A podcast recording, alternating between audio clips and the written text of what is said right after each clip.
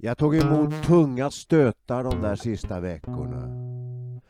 Hos Leland Harrison lättade trycket lite när jag träffade den hästtokiga familjen von Rosen.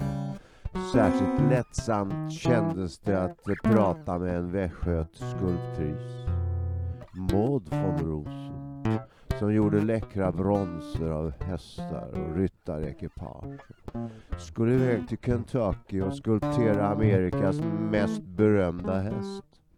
Man of Wars. När ni kommer tillbaka till New York är det bara att ringa på. Eh, jag far visserligen till Paris nästa vecka men Miss Åberg är hemma. Och på Park Avenue och hon gör i ordning allt för er. Jag fixar allt. Nya stötar. Jordal ringde och förtällde att Dreyfus hade dragit igång sin kampanj i Paris. Och Gerhard Westrix hade svikit i Berlin och fått över Sachat och von Schröder på hårdingarnas sida. Jag skakade av mig och bad honom förbereda en bonus till debentureägarna. Stötarna hade kommit i långa serier sedan hösten 29 och jag tog emot dem och returnerade dem som rosor och liljor. Den gamla animositeten mellan Harryman och Morgan kunde ibland avsätta en del information och jag fick veta av Jacob Schiff på vilket vis jag låg illa till. Han hade ett sätt som var avskalat alla skrupler. Tillsammans med Warburg och Kuhnlöb representerade han eh, repre Tillsammans med Warburg och Kuhnlöb representanter kom han på besök hos Aschberg. De hade finmaskiga finansiella utväxlingar med de röda kommissarierna, inte bara Krassin. Och fick ränta på investeringarna i oktoberrevolutionen. I form av ikoner, Fabergé-ägg och handels och rättigheter för blyertspennor och granater. Det var en härva energiska män som möttes i Gamla stan i Stockholm och klättrade upp och ner på upplysta lejdare. Där såg man eh, Sir George Buchanan, Lord Alfred Milner som med Aschberg i dammluckorna fick en flodvåg av dollar att välla in i revolutionens virvelströmmar av våld, blod och eld. Som olja på ett bål var dessa dollars snart i fyr och flamma. Det var samma viga kommissarier som likt apor klättrade upp i kyrktornen och vräkte ut de allra största kyrkklockorna som klangen sista undergång innan de tystnade och njöts om till granatskal. Det var dessa kommissarier som mörbultade munkar och präster till döds på mångahanda vis och slet ner allt löst från kyrkväggarna. Små och behändiga var ikonerna lätta för Aschberg att få hem igen. Besöken kom och gick även ute på Djurgården och där enskilda nollenburgare informerades om industriella planer bland många andra. Abraham Givatovtso som var Lev Davidovich Bronstein, det vill säga Leonor Trotskijs kusin. Han var bankir i Kiev före revolutionen och bankir i Stockholm efter densamma. Han hade ansvar för bolsjevikernas valutatransaktioner. Kiva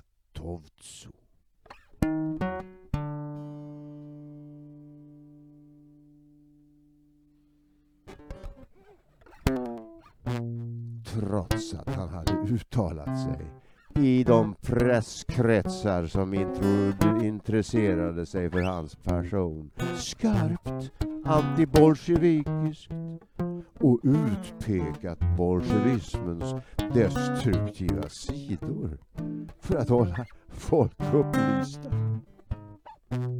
Han gjorde exakt som Mikael Gutzenberg, självaste chefsbolsjeviken i staden vid Mälarön där han kallade sig Alexander Gumberg.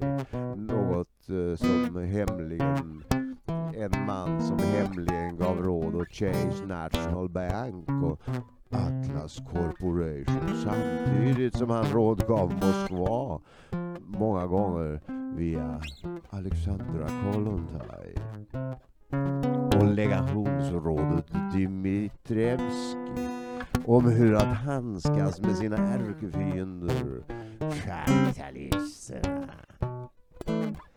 Jag fick på många olika vägar rapporter om hur det där gick till redan för tio år sedan och hur utställningarna nu stod efter mitt misslyckade låneerbjudande till Sovjet.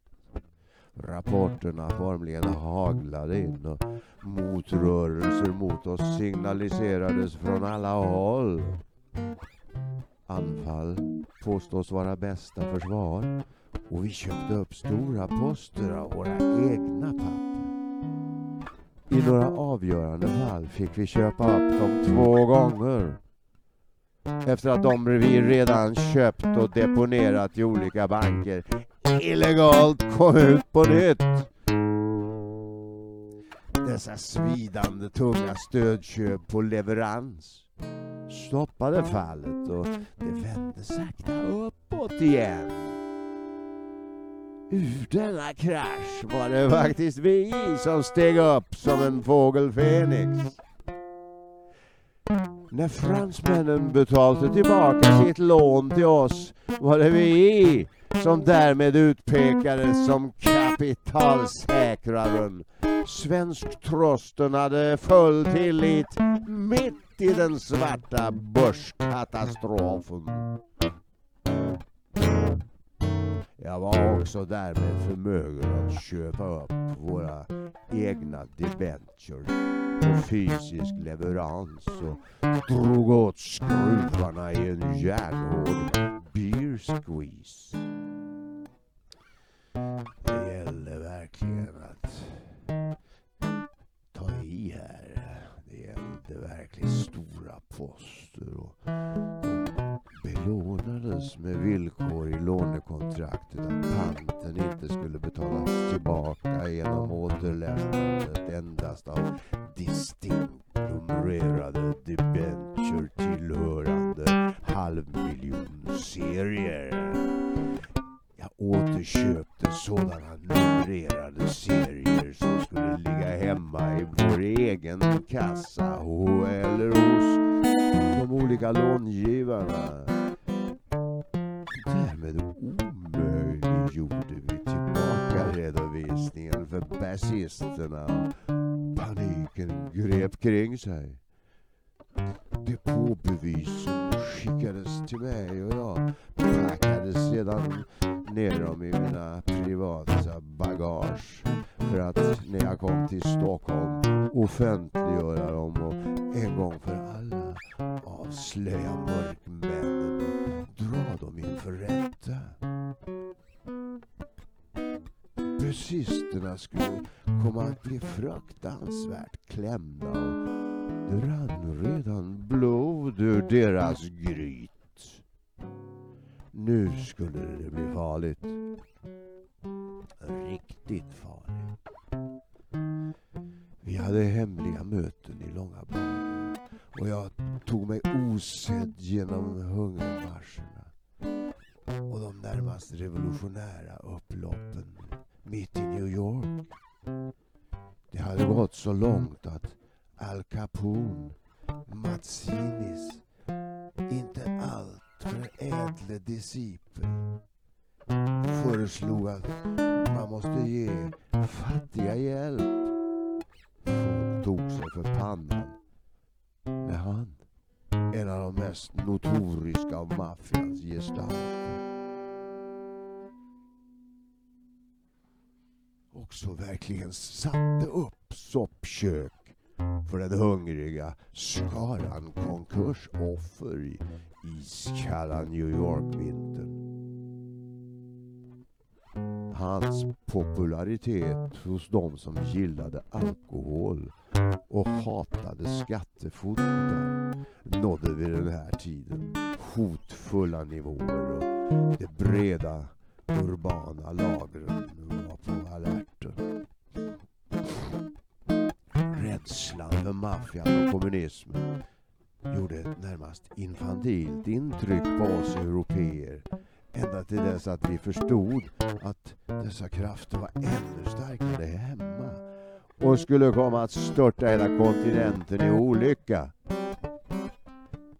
Det vanliga livet var mig faktiskt ännu i början av 30-talet förunnat. Spänning och hastiga förflyttningar genom upplopp och fågelkvittrande parker. Tvärs över storkbon och kyrktuppar. Jag smög mig och sög samtidigt in verkligheten med djup vördnad och glädje. Det visade sig också vid den här tiden att vi hade stärkt ställningarna på alla fronter. Det rådde ingen tvekan. Jag sa ingenting när Jordal och de andra saluterade med Rolls Royce, Ishota e Frashini och Cadillac. Budskapet var att visa att koncernen fungerade och agerade ovanför konjunkturerna. Det var faktiskt så att vi hade haft möjligheter att uppbringa närmast obegränsat med kapital och omsätta det, förutom i bilbranschen, bland andra statslån som direkt återriktades till våra penningpåsar genom att det var vi som många gånger också blev de anlitade entreprenörerna. Vår allierade Japan Ki Inukai efterträdde premiärminister Tanaka och han hade under många år arbetat för att underlätta koncernens agerande som ledare för Sejuka-partiet. Han var en man som så länge han levde borgade för att militaristerna hölls i schack. Vårt norröna recept var det vanliga. Vi kom med know-how och finansiella arrangemang som de inte kunde motstå och den japanska marknaden var inte stängd för oss som den var för de flesta andra västerlänningar. Den kinesiska marknaden öppnades också för LM Ericsson dessa år. Process som jag initierade via Nippons handelsdynastier som i motsats till de japanska politikerna hade goda förbindelser med mittens rike. När vi lånade polackerna pengar att satsa på våra egna industriprojekt och på köpet få monopolrättigheter och så småningom även svagström och starkströmskoncessioner hade vi modellen klar. Siffrorna blev så småningom astronomiska och jag hade en förmåga att sätta myror i huvudet på hoven av journalister och andra delegationer som sökte mig och dessutom vara på flera ställen samtidigt. Och ibland visste de inte ens om jag var i USA eller Europa.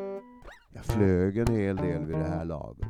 Utan förvarning kunde jag dyka upp hos Raoul Nordling på Paris ambassaden och smyga fram bakom honom och knacka honom på axeln. Och när han vände sig om blev han helt förskräckt.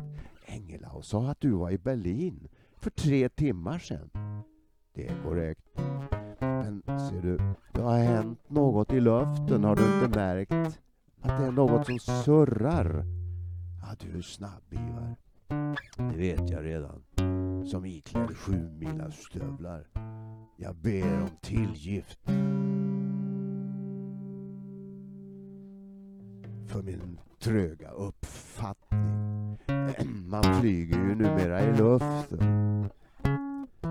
Hade han möjligen märkt att jag hade dragit förbi ett världskrig? Knappt. Det var nästan lika osynligt som en zeppelinare bland moln. Bara en liten pojk då, sa han med goda humorblänkande ögon. Ja, herregud, hade jag själv märkt det. När jag efterlevde general Balks hälsoråd och tog långa promenader till fots för att uppfriska minnet. När jag stod och beundrade Rodins eh, L'homme qui marche innan jag tog mig ett bad. När jag, för att, och när jag for ångdriven omkring och studerade svavelkokerier i paradiset. Behövdes det verkligen svavel där? Ja, tydligen. Man tände eld överallt. Varenda kakelugn och spis behövde tändas. Gatlyktorna. Tändandet pågick febrilt även i paradiset. Detta tändande skulle efterföljas av elström och glödtrådar. Det började med en tändsticka och slutade med en silverskål.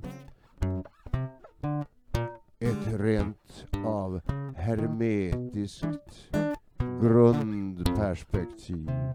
Nästan lika påtagligt och nödvändigt att hålla på som när man gjorde affärer. Som nödvändigheten att hålla tätt när man gjorde avgörande affärer. Hermetisk grundprincip.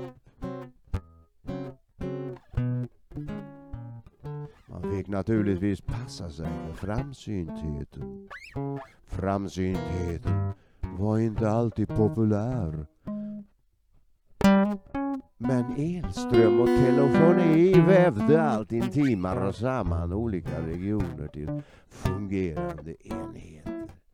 Där fanns alltid nyckelpersoner och informationen var fokuserad på vissa individer inom bland annat film och pressfolkets krets av kunskapare.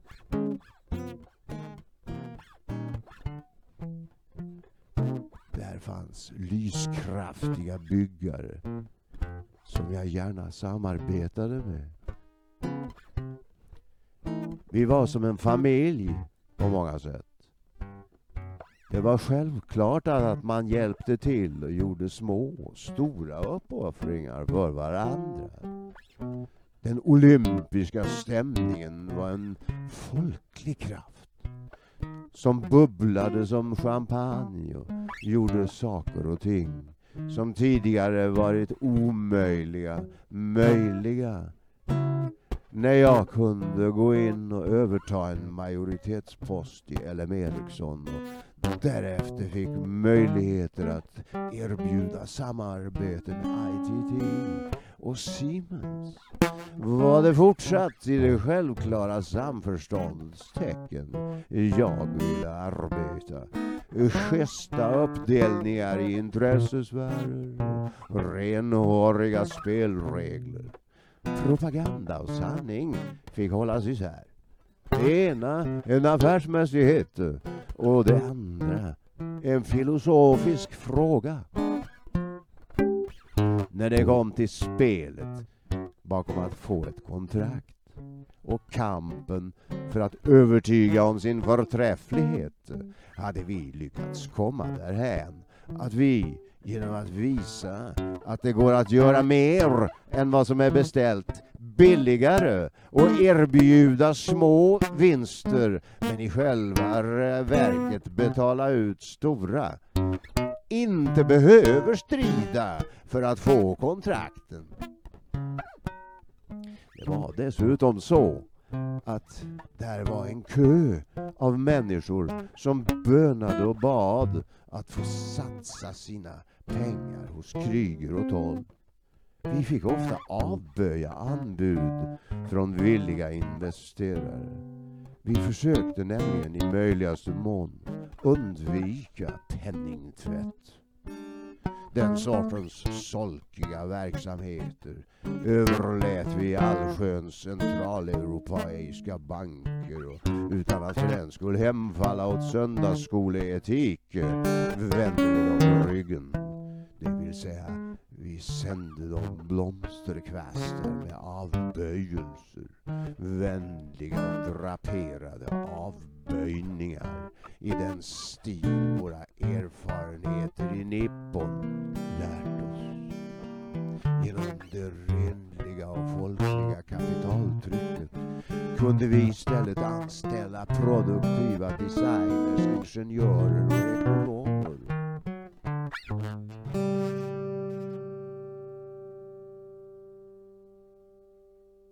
När det var som mest succéartat var det nästan komiskt.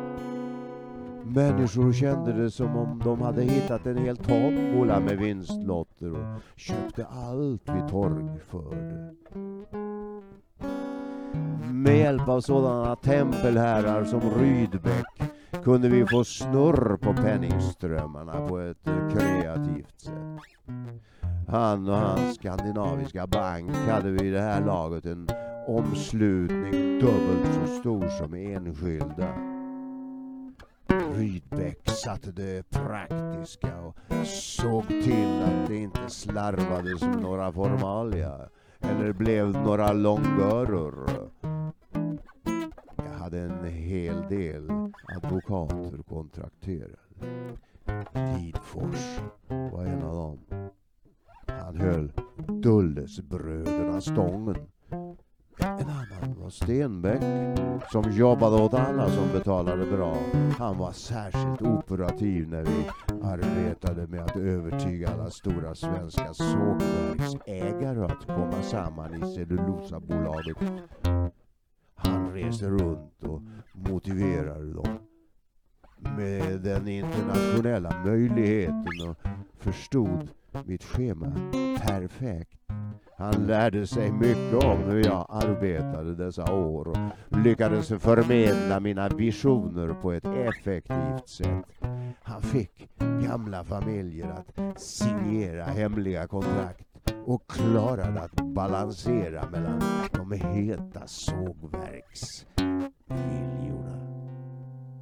Vi hade förs försteg på många industriella fält och snilleindustrin sken som en sommarsol från en blå himmel under de gemytliga arrangemang vi hade ute i skärgården när vi upplevde en livets högsommar och deltog i en hektisk och glatt nervös aktivitet av informationsutbyte Människor med de mest skilda synsätt kom samman i synteser och jämkningar. Och jag intog en strikt neutralitet i de allra flesta frågor. Och naturligt nog inte i lika blodiga frågor som Atticus. Och när det blev riktigt intimt buffrade jag allt för olika sinnelag och medierade dem till samarbete.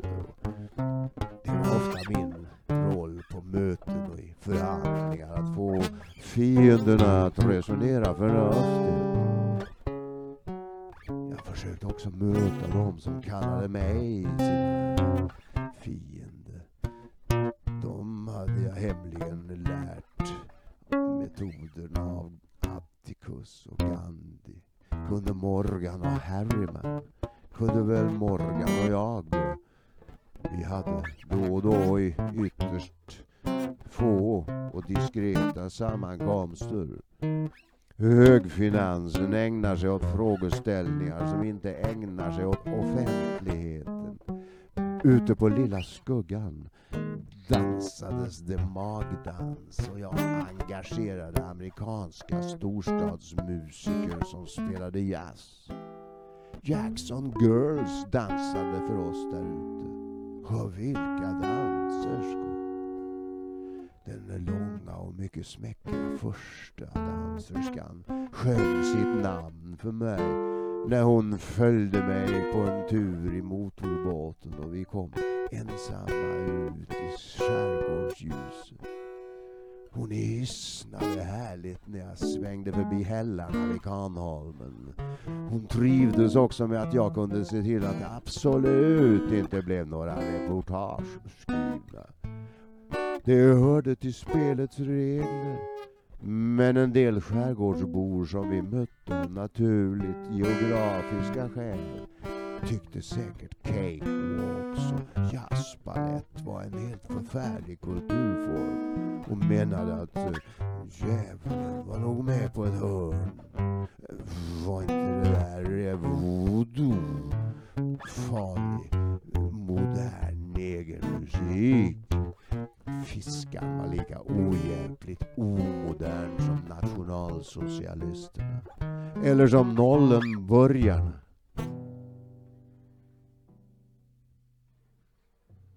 Och deras hopplösa dieselfordon. Någon gång försökte jag på skoj eh, med att Hermes alltid var modern. Även om han var tusen år äldre än Kristus.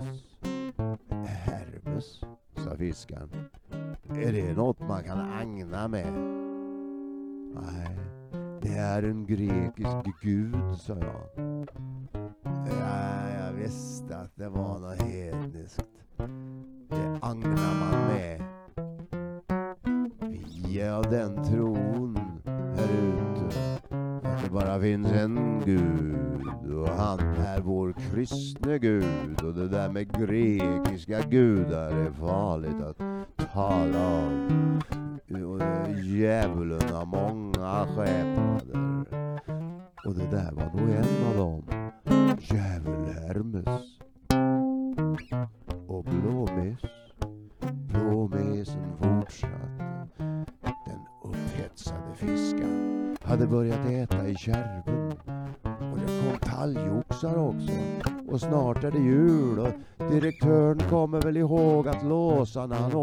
Åker. Ingenjörn, om jag får be, sa jag. Eh, det kryssade omkring några ryssar här ute förra veckan. Och de betedde sig väldigt mystiskt. Fiskarens ögon smalnade och det fanns en känsla där i att han menade att eh, jag drog oro över honom och hans farvatten. Samtidigt var han nog glad över att vara ekonomiskt oberoende. Hans eh, tvenne döttrar hade nu en god hemgift och de skulle fara in till storstan och gifta sig. Öarna i Stockholms saliga skärgård började började säljas och Torsten och jag hade köpt honom stormrik.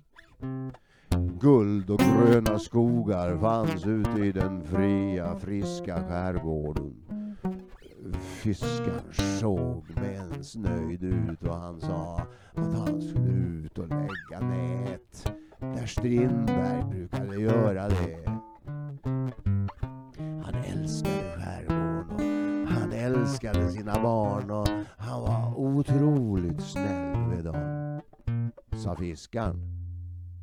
Han hade med dem i sin båt och de la ut näten där ingen trodde att det fanns någon fisk. Men han hade någon uträkning bakom att det var några undervattensströmmar och att fisken lekte där och skulle komma den vägen när de flyttade mellan vikarna. Fiskaren berättade hur alla barnen hängde ut över relingen och fiskade med framgång. Jag såg hur fader Strindberg satt på aktertoften och höll uppsikt över fågellivet och räknade hur många ejderhonor som kom simmande och ropade att det var rekordår och de största kullarna nykläckta ejderungar kunde räkna ett helt tjog. Det var när seklet var helt ung. Då fiskade jag i Hudsonfloden, sa jag och spanade efter birds på Fifth Avenue. Är inte det där eh, fiskar med guldkrok och kan stå i en gyllene krona och se ut över hav och land. en vet nog hur det är. En gudinnas huvudsmycke. Jag tackade för mig och drog på med V12 och det vrålade till bland hästkrafterna och fiskaren blev alldeles blek och skrek att jag inte fick skrämma bort fisken med den där hemska mustaschbåten. Ingeborg var med och det dröjde inte länge förrän vi fick motorstopp. Laurel började skruva i förgasaren och jag tänkte att vi får ta liv båten till Kymmendö i värsta fall. Jag kastade i den och tog med ett av mina nya gevär och rodde i land på en holm. Där var några enstaka vindpinade träd och jag fick syn på några kråkor. De flög upp.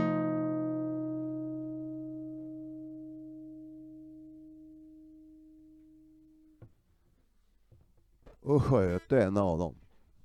Direkt när jag hörde något motorljud bakom ön en liten eka med underlig motor sittande i akten kom puttrande och skepparen hojtade att det var ett bra skott. Han erbjöd sig att eh, ta oss till Stavsnäs brygga. Jag tackade honom och frågade om han kunde tänka sig att bara vänta en stund och ge Laurel en chans att få igång vår motor först. Ja, jo då, visst, sa han. Och vet du vad skäret heter? fortsatte han. Jag pekade på huvudet. Och skakade på huvudet. Kråkan, log han brett. Ja, det låter ju adekvat, sa jag. Ska vi arrangera en tävling under tiden som Laurel skruvar? Ja, varför inte, sa han och presenterade sig som redaktör Byström. Jag rodde ut i båten och vi hämtade en låda med utdruckna champagneflaskor och en del ytterligare vapen. Och vilken samling, utbrast redaktören när jag öppnade vapenväskorna. Jag hade en eh, närmast komisk samlarvurm och endast mot slutet av mitt liv lyckades jag intressera mig för så pass dyrbara objekt att samlandet liksom kunde hanteras. Vi kastade ut champagneflaskorna i vattnet och började tävlingsskjuta med pistol. Jag missade inte ett enda skott och det var ändå en snabb serie. Ljuset var perfekt och flaskhalsarna gungade i vågorna. Om man gungar med och siktar helt avslappnat kan man bara inte missa, sa jag och tillät mig att börja glänsa med min förnicklade Mauserpistol. Ingeborg satt på akterdäck och solade som om ingenting hade hänt.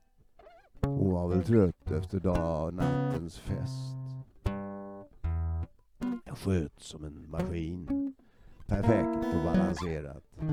Jag gav efter för frestelsen att imponera och redaktören gjorde stora ögon när jag sköt vidare med en 9 mm eh, Dreise, en Gustloff och till sist med en Sauerbehorden modell i duraluminium. Den sista tunna flaskhalsen gungade i alla riktningar men jag prickade den en efter en för att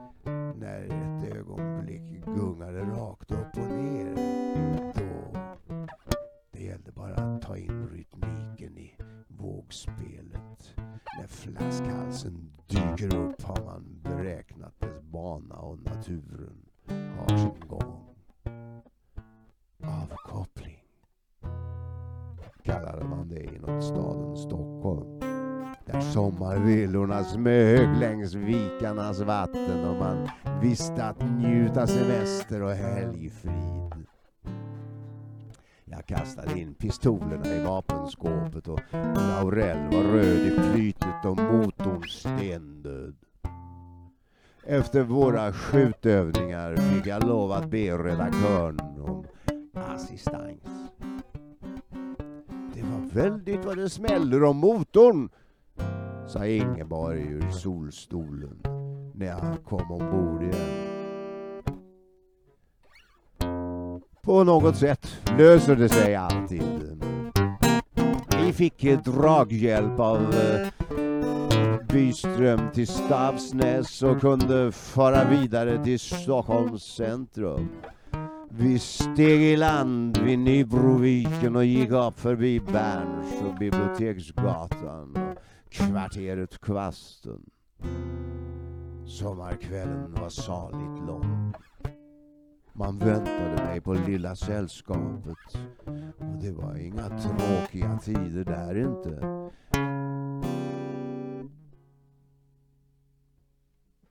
Långt ifrån de dystra och förstelnade miljöerna som sällskapet på Arsenalgatan erbjöd. Jaså, motorhaveri. Men du har fått se en av de första utombordarna i Sverige och lärt känna en intressant tidningsman. Ja, det var en eh, norsktillverkad Evinrude. Där ser du. Intet ont som inte har något gott med sig. Här har vi väntat med champagnen och tycker att det är dags att dricka ett glas. Vi spelade bridge och drack ett glas. Ute i restaurangen spelade orkestern improviserade stycken och jag hade tid för utsvävningar. Och än mer och mer sällan om än mer och mer sällan på Trocadero. Jag såg dessa herrar och dessa utflykter och dessa damer som nödvändiga för mitt jobb. Ja, rent av livsviktiga. Jag promenerade i natten med konstnärinnan och grevinnan Wachtmeister längs Stockholms kajer. Hon förstod så väl att jag hade blivit förändrad efter min trolovades död. Hon visste hur djupt mina systrar hade varit inblandade i mina mellanhavanden med henne. Hon påstod sig veta att det jag råkat ut för kan vara det värsta man råkar ut för. Vi kom osökt in på musik och måleri och kunde sväva bort från olyckliga minnen. Hon tyckte jag skulle lyssna lite mer på Pettersson Berger, Frösön och inte lika mycket lyssna på Armstrong och New Orleans. Hon tyckte jag borde välja mitt umgänge med lite mera omsorg. Nästan väl öppenhjärtiga människor det där du umgås med, sa hon. Vidöppna. Ibland kunde det bli snillen överklass och magdans. Varför inte vanlig hederlig knätofs? Ja, inte vet jag. Det är så att jag var modern redan innan det fanns någon förklaring till det. Och jag gillade Louis Armstrongs musik och visste en hel del om honom själv. Han ville ut ur misär. Mamman sålde sin kropp och hade kraft och frihet att göra det också. Grevinnan ryste. Han hade ett horn som han signalerade med när han kom dragande med sin kolvagn genom Storywill. Han fick folk att haja till när han blåste i sitt horn och de löpte an i massor och undrade vem hade sån kraft i blåset. Han råkade en dag avlossa en lånad pistol i luften bland en massa folk och det blev jäkla liv och han blev satt på uppfostringsanstalt. Där arbetade en ungdomsledare som kom att lära honom musikens grunder.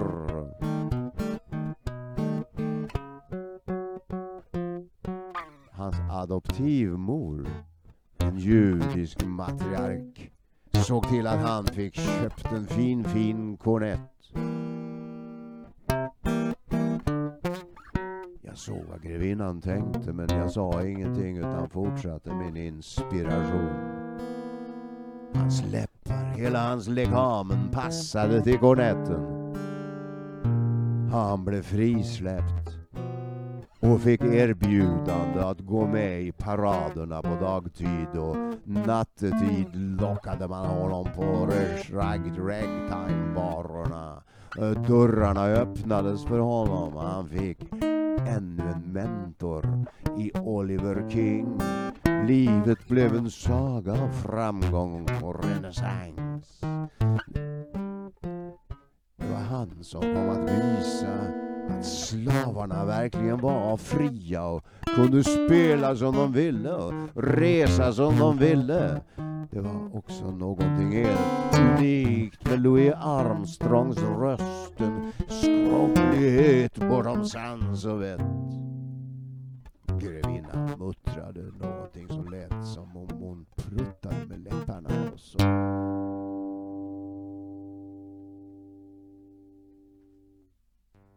svängde hon ogudaktigt med höfterna. Strandvägsflanörerna log och gamle Heimdall på Djurgårdsbron blåste i sitt horn. King Oliver hade redan rest till Chicago. Hans rapporter var sådana att de flesta musiker bara inte kunde säga nej till att resa dit. Särskilt när jazzen dessutom klämdes svårt och närmast förbjöds av myndigheterna hemma i New Orleans. Louis tackade med hänsyn till sin hustru Maria Magdalena och gamla sjuka mor likväl nej till sist följde han också dirigenten som slavarna och musikerna alltid hade gjort. På det paradoxala viset kom han själv fri och började leda. Han drog iväg på improvisationer och överraskade både sig själv, andra musiker, sådana som Coleman Hawkins, Jimmy Dorsey, Muggsy Spanier, Red Nichols, Frank Trombauer, Big Spade Rebecca och framförallt sin publik. Louis could pack the largest theatre in Chicago every night for a 16 week jig. En publik som kom att bestå av avantgardistiska människor med känsla för frihetens musikaliska kvaliteter. Och jag råkade vara en av dem. Det var radion med ett solo av Louis Armstrong som var 20-talets största enskilda frihetsimpuls. När det gällde detta fick jag aldrig något medhåll av grevinnan.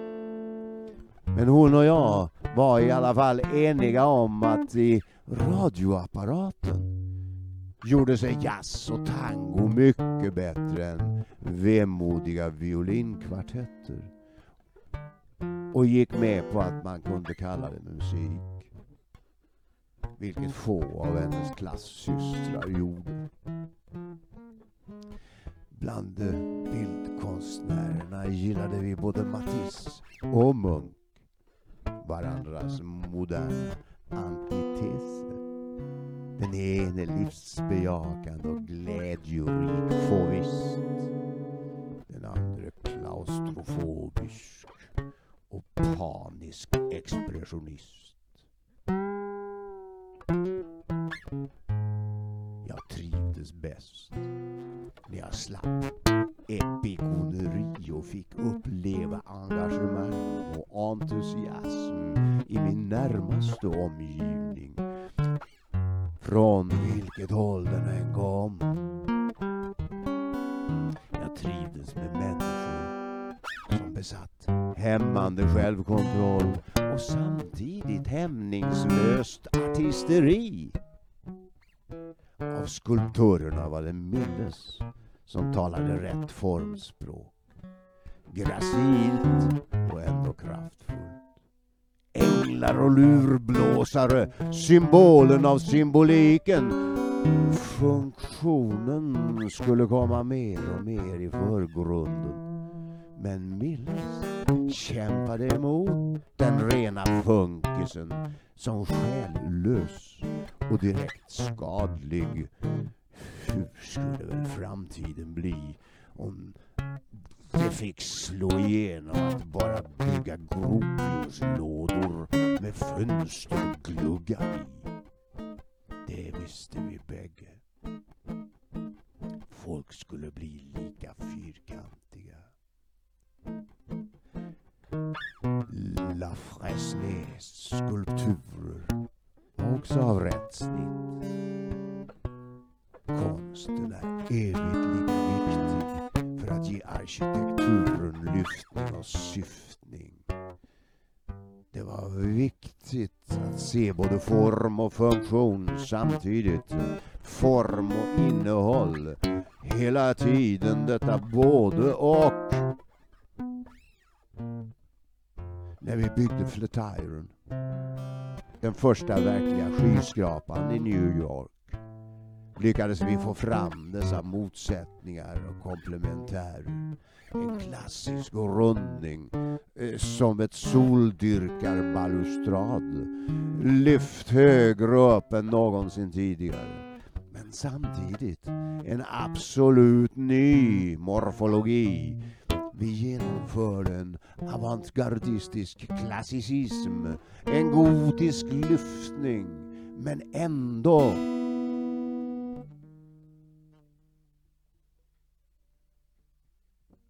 sekulär form på huskroppen.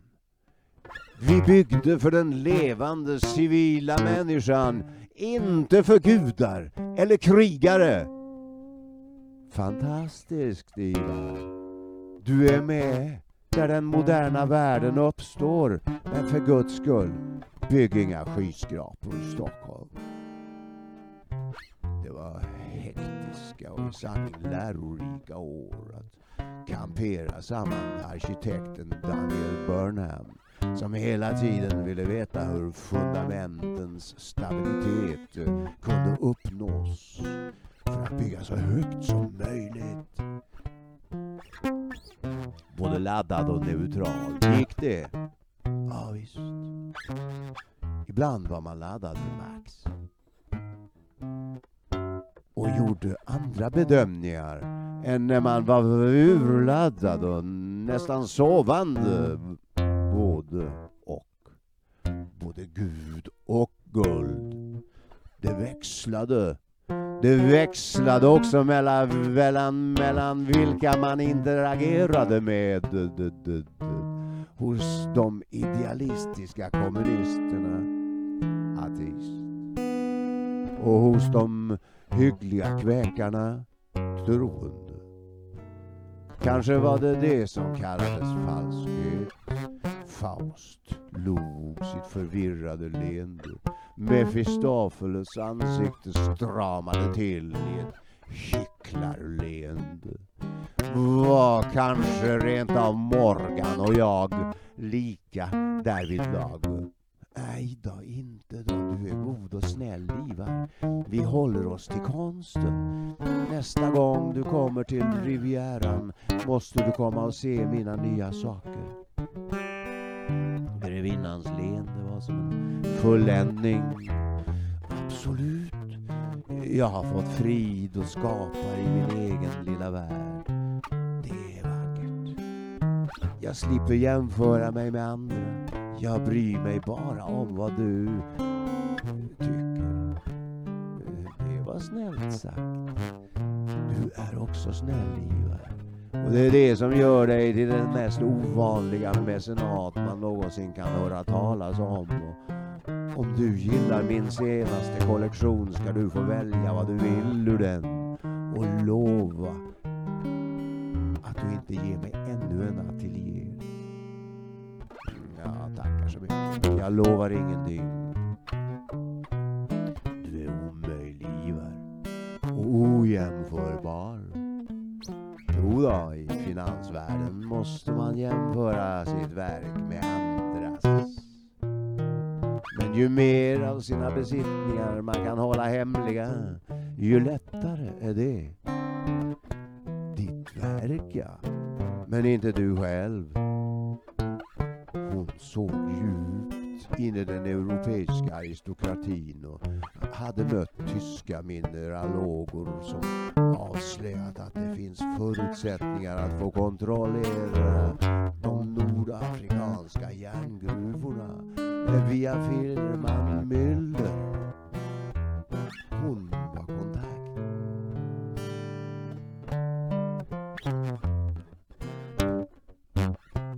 inte se att dödsstraffet kunde accepteras i något sammanhang.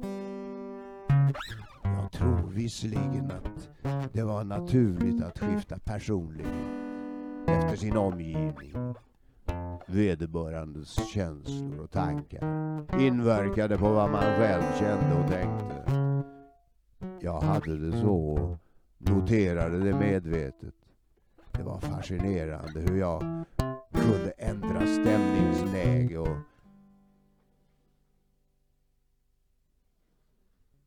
nästan hela livsinställningen beroende på vilka jag hade omkring mig för tillfället.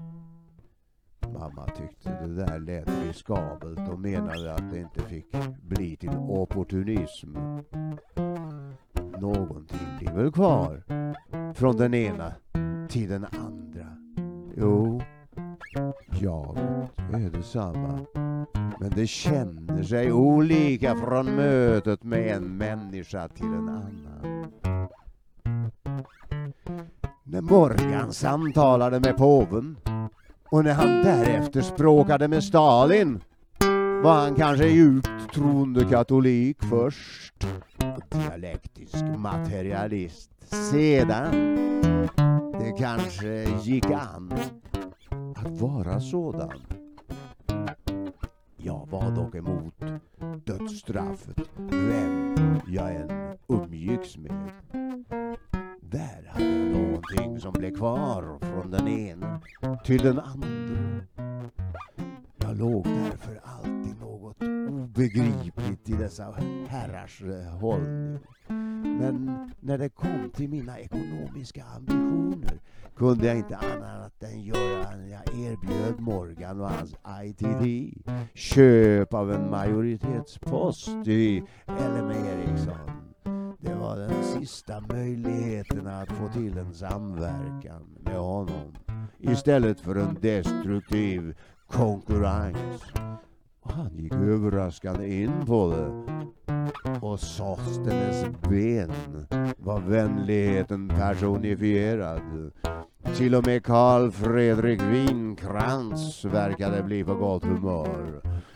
En värre knäpp har jag emellertid aldrig fått än när Morgans utsändning på torsdagskvällen innan Washington-helgen kom uppfarande i hissen på, på Park Avenue 791 och knappt hade hunnit låta sig serveras koppen te förrän han krävde köpets återgång inom tre dagar.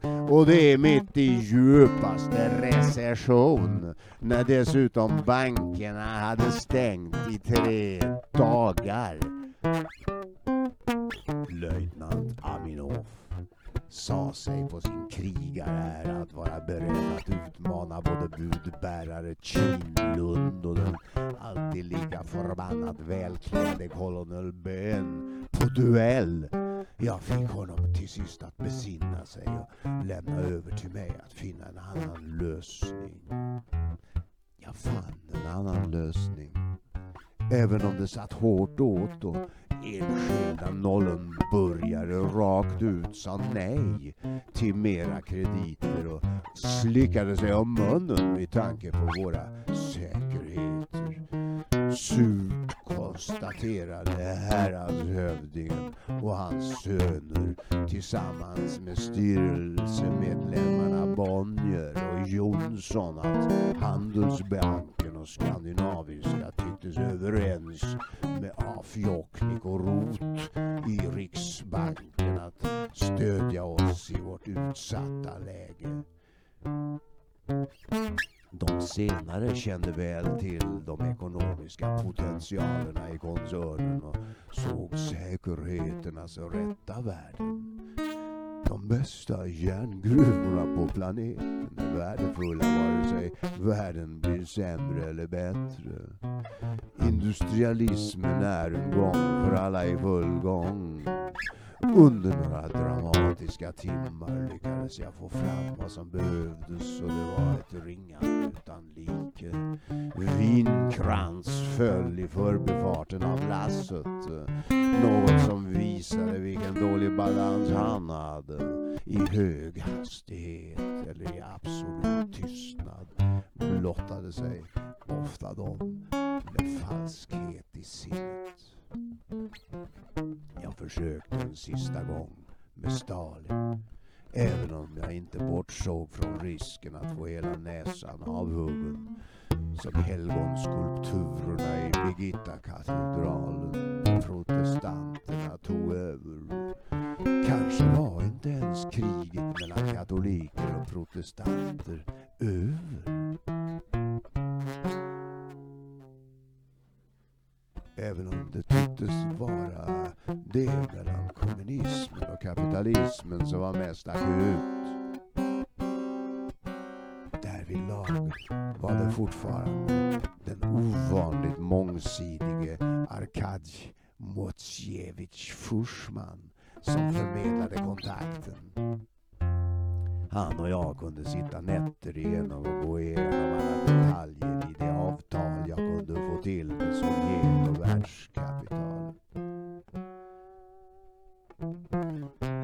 Vidkun Quisling förfasade sig över dylikt tänkande.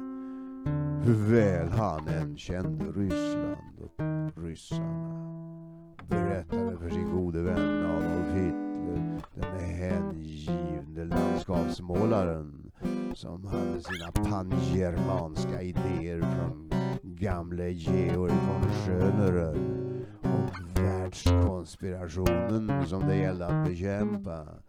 De menade att kapitalet svek de germanska folken om de gick in och stödde kommunismen och underlättade för dem att hålla fart i NEP, New Economic Program. Det var Nansen som vi ändå litade på, som i sin tur informerade Quisling om möjligheten att rädda det ryska bondesamhället från den totala katastrofen. Den sistnämnde insåg kanske trots allt att ändamålen helgar medlen och att människors liv är mer värda än brutala ideologier. När Fursman gick in på toaletten hällde jag mitt vodkaglas i en blomvas och såg hur skälkarna bågnade. Jag tog en munfull filbertsnötter istället och höll mig klar och tydlig genom natt efter natt när vi inte hade annat att ägna oss åt än storfinansens klara siffror utan även matematik matematikens diffusa och inte minst relativa. Av en ren tillfällighet råkade vi komma in på relativitetsteorin och Fuchsmans skärpta hjärna förenklade tredjegradsintegraler en lång rad andra matematiska sammanhang och fysikaliska beräkningar så att jag med ens förstod hur mycket energi som kunde sättas fri om man fick själva byggstenarna i materien att sprängas isär. Därav visste Quisling och Nansen föga. Och Hitler kallade det föraktfullt för en urartad judisk vetenskap. I Rom gick jag in med stora matematiskt kodifierade, mycket mycket hemliga erbjudanden. Politiken var vardagligen lika hemlig och symboliskt omskriven som den någonsin var på Tassa Farense. I Rom var den genomsolide Francesco Spinedi jag hade mellan mig och den världsliga makten. Romarna stövlade på och återerövrade Medelhavet. Mussolini var sedan 1922 oinskränkt härskare över kropparna. Men påven Pius XI härskade fortfarande över det italienska folkets själ. Och jag hade skapat mig ett visst handlingsutrymme däremellan. Mosconi, Spinedi, Boselli och den lilla grupp som möttes hos greve Konstantini var klar över att man även i Italien måste satsa på fredliga projekt. Man bör sålunda minnas att det framför allt gällde att stödja dem som stod denna grupp kring greve Konstantini nära och som inspirerades av sådana som den unge arkitekten Gio Ponti. Och med närmast pojkaktig iver kunde diskutera betydelsen av Michelangelo, Berninis och Borominis arkitektoniska verk. Och som utsåg Spinedi till chefsförhandlare med oss. Man kan aldrig för många gånger tänka på att vi hade att göra med italienare som ville fred och inre blomstring. De som slutgiltigt ville dika ut de pontinska trösken. De som därmed ville sätta stopp för malaria-drömmen från Caesars dagar. Malaria-mardrömmen. Och en gång för alla torka ut myggen. Vi rodde omkring i träsken iklädda stora finmaskiga insektsnät och kollationerade läget. Vi stannade i vältri och Konka. Vi fick se en hel del underbara exempel på etruskiska urnor och gravmålningar och kunde inte annat, någon av oss, en längta efter gamla goda tider före malarian, gula febern och försumpningens onda dunster. Vi presenterade Kan Bar-metoden. Vi ställde därtill kapital till förfogande. Transaktioner som de om, om de hade offentliggjorts hade gått dessa fredsälskande italienare ur händerna. Hemlighetsmakeriet var alfa och omega och mitt namn nämndes aldrig. Ibland hette jag Li och kunde inte annat än le. Det var mina medarbetare som ofta i sina egna firmors namn figurerade i offentligheten om det behövdes. Vi presenterade generella lösningar på en mångfald av italienarnas civila problem. Vi såg var möjligheterna till industriell växt fanns och kunde presentera svenska lösningar på det ena problemet efter det andra. Det var klart att Morgan fick försöka, ville försöka driva in kilar även där och erbjöd Il Duce helt öppet lån till hans ubåtar om ITT fick hand om telenätet. Han drev in kilar när han tvingade till sig prioritet gällande jobblånet trots att han kom med småsummor i jämförelse med oss. Påven lyssnade ömsom på den ene, ömsom på den andra och Morgan bläddrade lystet i den heliga Birgittas textrelikt. Den skulle ge honom det han själv saknade. De hade ju demonterat hela kyrkor i Europa och transporterat till USA för att återuppbyggas. Morgan hade köpt Birgittas uppenbarelser för att göra sig och USA än mer respektabelt inför den högste gud. Avlatsbrev eller avgifter för någonting ännu mer abstrakt. Påvens välvilja i vissa mycket ogudaktiga ekonomiska situationer. Undrar just om han skriver in den också som en godvillig firma. I Sovjetunionen for Hammer omkring och drev åt sig tsarens påskägg där Aschberg tog ikonerna.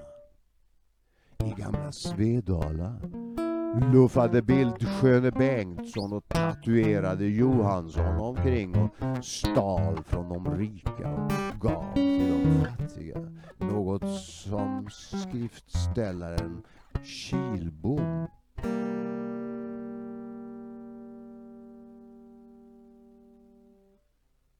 gillade skarpt. Unge Morgan och Unge Ham och Birgittas uppenbarelse och tsarens påskägg.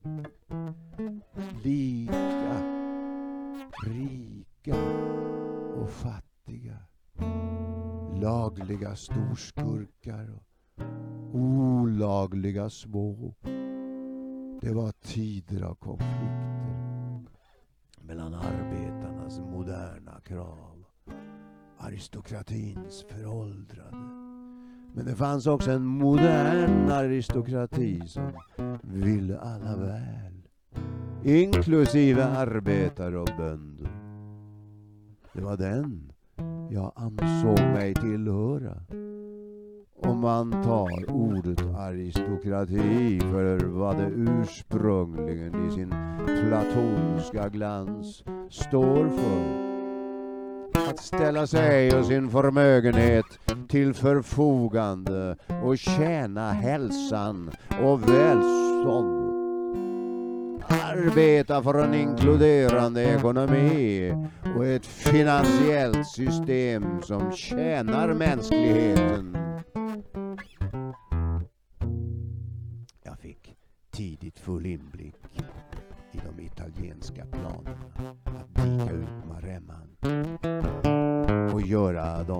Osunda sankmarkerna till örtagårdar. Jag följde med till trakter längs den lilla floden Fiora som en gång i tiden bildat gräns mellan påvestaten och Toscana.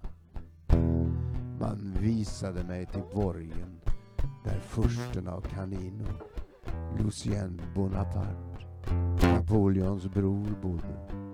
Mm. När han upptäckte etruskergravar i långa rader och lät gräva ut dem.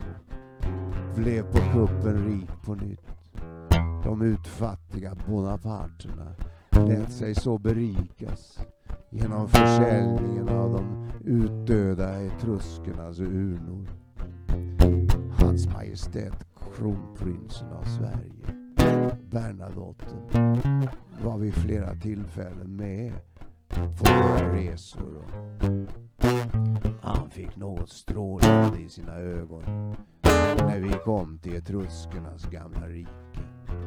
Han hade läst Dr. Falchis arkeologiska beskrivningar av etruskernas avancerade järnhantering. Århundraden före Kristus. Längs kuststräckorna innanför Elba. Han drömde om att återse Voltumas tempel. Slå i en spik för Nortias ynnest. Hans upptäckarglädje var väckt. Maremman var ställvis ohögligt dyster med sina svarta träskfåglar och e- evigt surrande insekter. Men plötsligt uppenbarade sig en ny uppodlad areal med böljande, mognande vete och man förstod genast vad som kunde göras. Och vad som en gång för länge sedan också hade gjorts. Där kronprinsen såg efter vad som gjorts i forntiden såg jag efter vad som kunde göras nu och i framtiden. Tillsammans med ingenjörerna Andrén, Wennerholm och Hult skisserade vi på hur vi kunde bidra med irrigationslösningar i Lazio och göra det på svensk vis. Italienarna och särskilt Spinedi blev entusiastiska. De såg stora möjligheter. Gaspard Marie Richte Pronys och Fedor von Donats utdikningsprojekt hade havererat. Vi kunde visa dem eh, hur det skulle kunna byggas moderna akvedukter söder och i kraftverk i forsarna i norr och hur elledningarna kunde dras. Och när vi dessutom kunde ordna kapital åt dem att genomföra dessa herkuliska storverk var det idel uppåtsträvande ungipor kring oss. Och det gillade vi alla. Tyvärr förstod jag mer än väl att Mussolini helst ville ha ubåtar. Men han kunde ju bara inte säga nej till att bli självförsörjande inom såväl jordbruk som elström. Det skulle ju stråla ära på honom som Il Duce. Det var ibland operettartat att svepa in i Rom bakvägen. Tog vägen om Fontana i Trevi och hälsade på Oceanus i hans kungaborg och lyssnade på några av hans råd.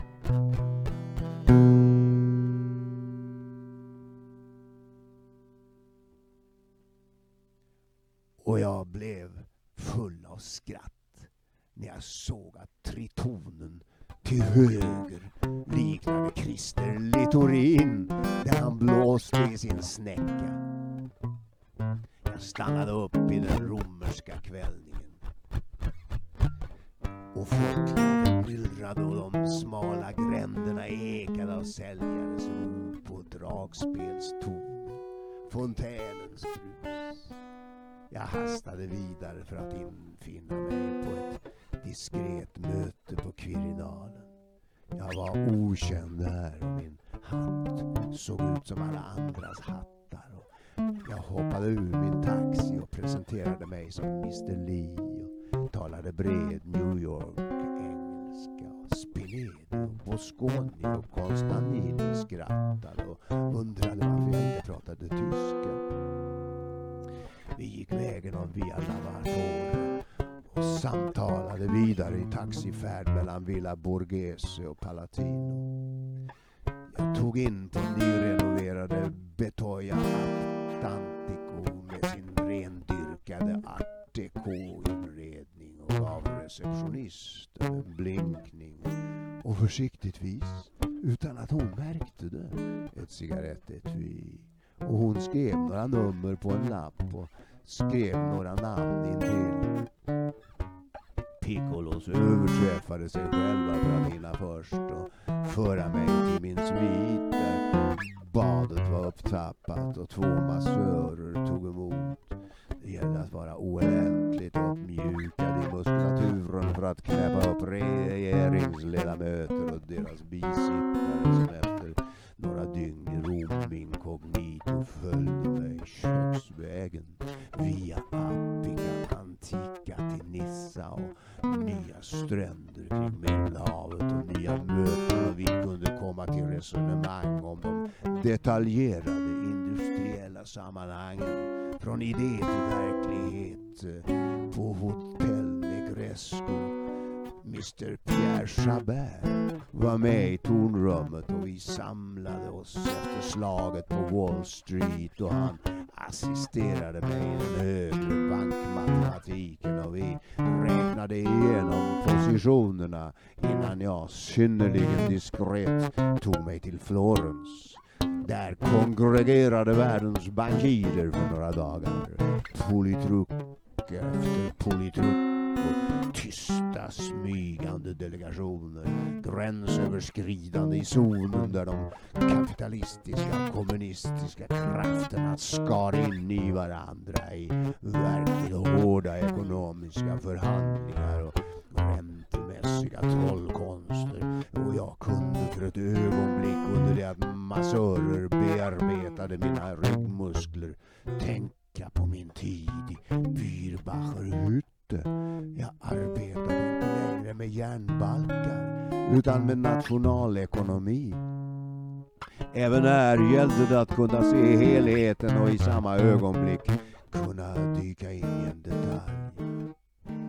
Elledningen genom alpterrängen och lastbilstransporter på kostigar och nya massdoppar i tändsticksmakandet och relationerna på kontoret och sekreterarnas älskare och mina underbara medarbetare i allt kortare kjolar. Hur skulle man någonsin ha orkat utan den kvinnliga fägringen? Man skulle aldrig ha orkat. Drivkraften, sa man i Wien. Den mänskliga drivkraften.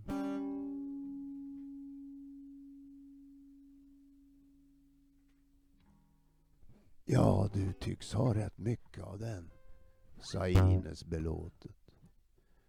Om natten när vi tände oss varsin levantisk cigarett och lät bubblorna stiga i ett smalt glas och det var rökslingor i luften och de ormade sig och vissade, visade sig som andeväsen och Ines såg djupt i mina ögon och vilade sitt förtrollande vackra ansikte i handen och sa mig att jag levde.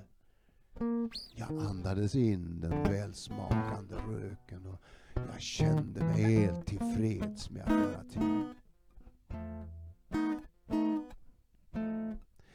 Mina tusen klockor fick gå hur de ville. Rembrandts alla etsningar blekna i Zorns oljor. Mina oräkneliga diamantbesatta kråsnålar vandrar som gnistrande och glimmande kungamyror in i Atticus kaklade badrum. Mina alla banker och koncerndelar fritt svävande. Jag var njutbart lugn. Kropp och själen var stämd rätt med Ines kropp och själ. Jag tänkte iväg ända upp till Drammen och seglande på mitt spökskepp. Och jag hade förlåtit ödet. Jag var försonad. Det var en underbar, överraskande och salig känsla.